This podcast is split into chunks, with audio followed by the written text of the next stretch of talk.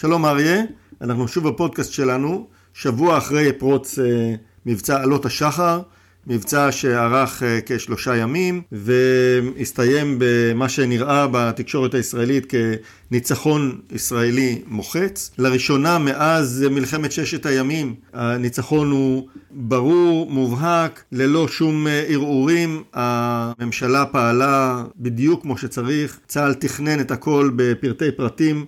הביצוע היה מושלם, כל מטרה נפגעה, מינימום נזק אגבי, מקסימום נזק לג'יהאד האיסלאמי, חמאס נשאר מחוץ למעגל הלחימה, הכל מושלם.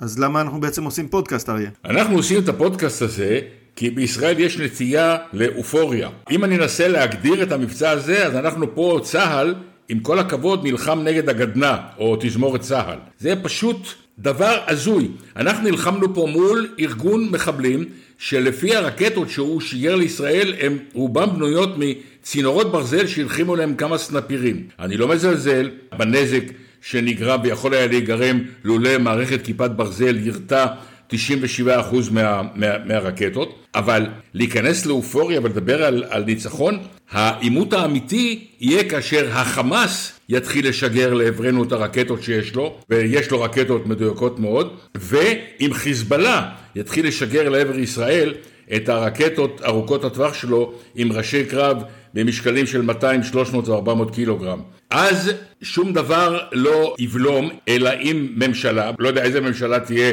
כאשר עימות כזה יפרוץ, אלא אם ממשלה תקבל החלטות כבדות משקל, בלי להתחשב במה יאמר העולם. לדוגמה, אם חיזבאללה מתחיל מחר עימות עם ישראל בגלל מה שקורה ליד אסדת הגז כריש ומתחיל לשגר עלינו רקטות, יש שתי אופציות ברורות לגמרי. אחת, שכל ישראל תשב במקלטים חודש, חודשיים, שלושה, וכשנצא מהם נראה הרס אדיר, בניינים שלמים, כבישים, שדות תעופה, צבאיים, אזרחים, הכל פה יתפורר, כי הרקטות שלהם הן מאוד מאוד קטלניות. או לחילופין, ניתן לגמור את העימות הזה תוך כמה שעות. אתם שואלים את עצמכם איך? אז אני אסביר. בלבנון יש חמש תחנות כוח לחשמל. בלי חשמל אין מים. אתה דופק להם, הם כולם בבנק המטרות של חיל האוויר, דופק להם שלוש ומודיע להם, אם אתם לא מפסיקים את השיגור, תוך עשר דקות גם השתיים האחרות מושמדות. ואז תשתו מי ים.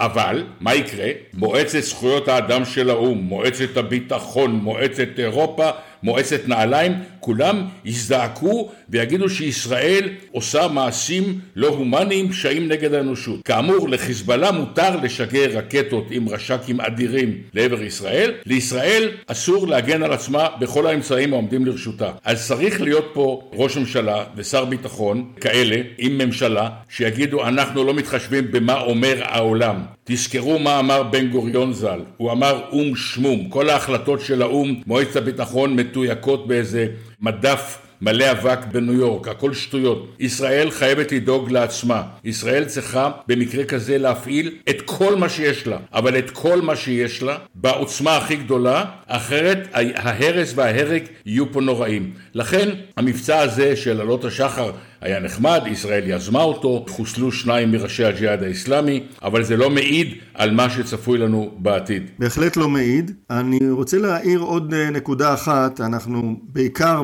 הסתכלנו על uh, מבצע עלות השחר, על uh, מה שקורה בעזה, מכיוון ששוגרו משם מעל אלף uh, רקטות שפגעו בלב ישראל מתל אביב דרומה.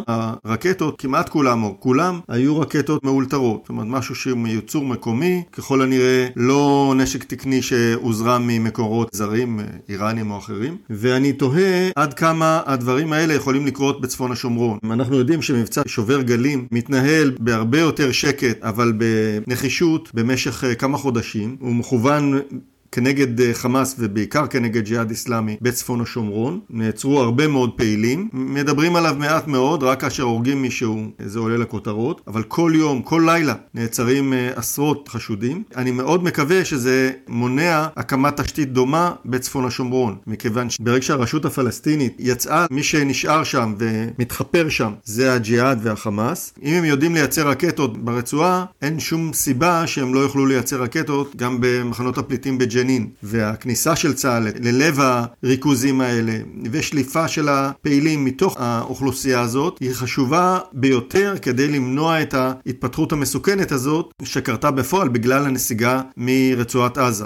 לא משנה כרגע אם היא הייתה מוצדקת או לא, עצם זה שיצאנו משם, נתנו לעסק לצאת משליטה. אז אני מאוד מקווה שבצפון השומרון לא תקרה תופעה כזאת, ושמבצע שובר גלים ימשיך ואפילו יגבר כדי לחסל תשתיות מחבלים באזור. עד כאן להיום, אה, נמשיך ונעקוב ונדווח בפודקאסטים שלנו. להתראות ארי.